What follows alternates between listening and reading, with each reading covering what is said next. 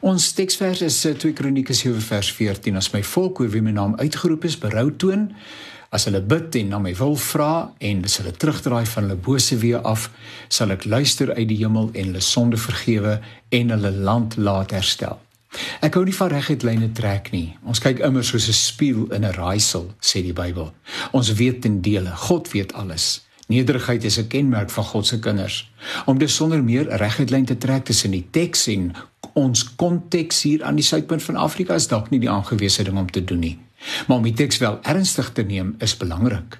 Die teks het 'n adres: God se kinders, sy volk, verbondsmense, die kerk as jy wil die Christelike geloofsgemeenskap.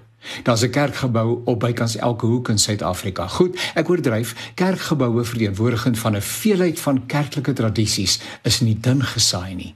Baie gemeenskappe se hoofstraat is steeds Kerkstraat. Dis wie ons is, mense wat eens op 'n tyd dalk erns gemaak het met God se woord. Maar strate se naam het intussen verander en Kerkstraat is in baie gemeenskappe nie meer die hoofstraat gemeet aan die dinge waarmee Suid-Afrikaners besig is nie.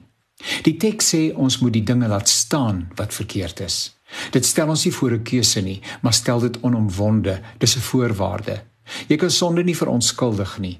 Die gees van God wat in ons woon oortuig tog van sonde.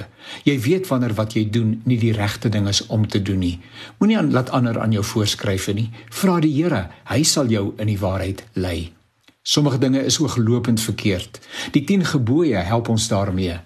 Watter gebod is nie meer tersaaklik nie, sou ek wou vra aan mense wat sê maar dit is die Ou Testament en ons is nie meer onder die wet nie.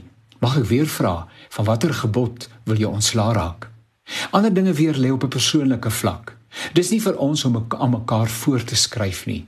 Weet jy in elk geval aangestel as 'n beoordelaar van ander se optrede, sou ek wou vra.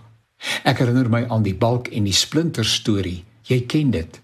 Een van die dae sal daar 'n massa saamtrek van mense wees by 'n gebedsbyeenkoms dig by Kreersdorp. Oom Angus sal dit lei.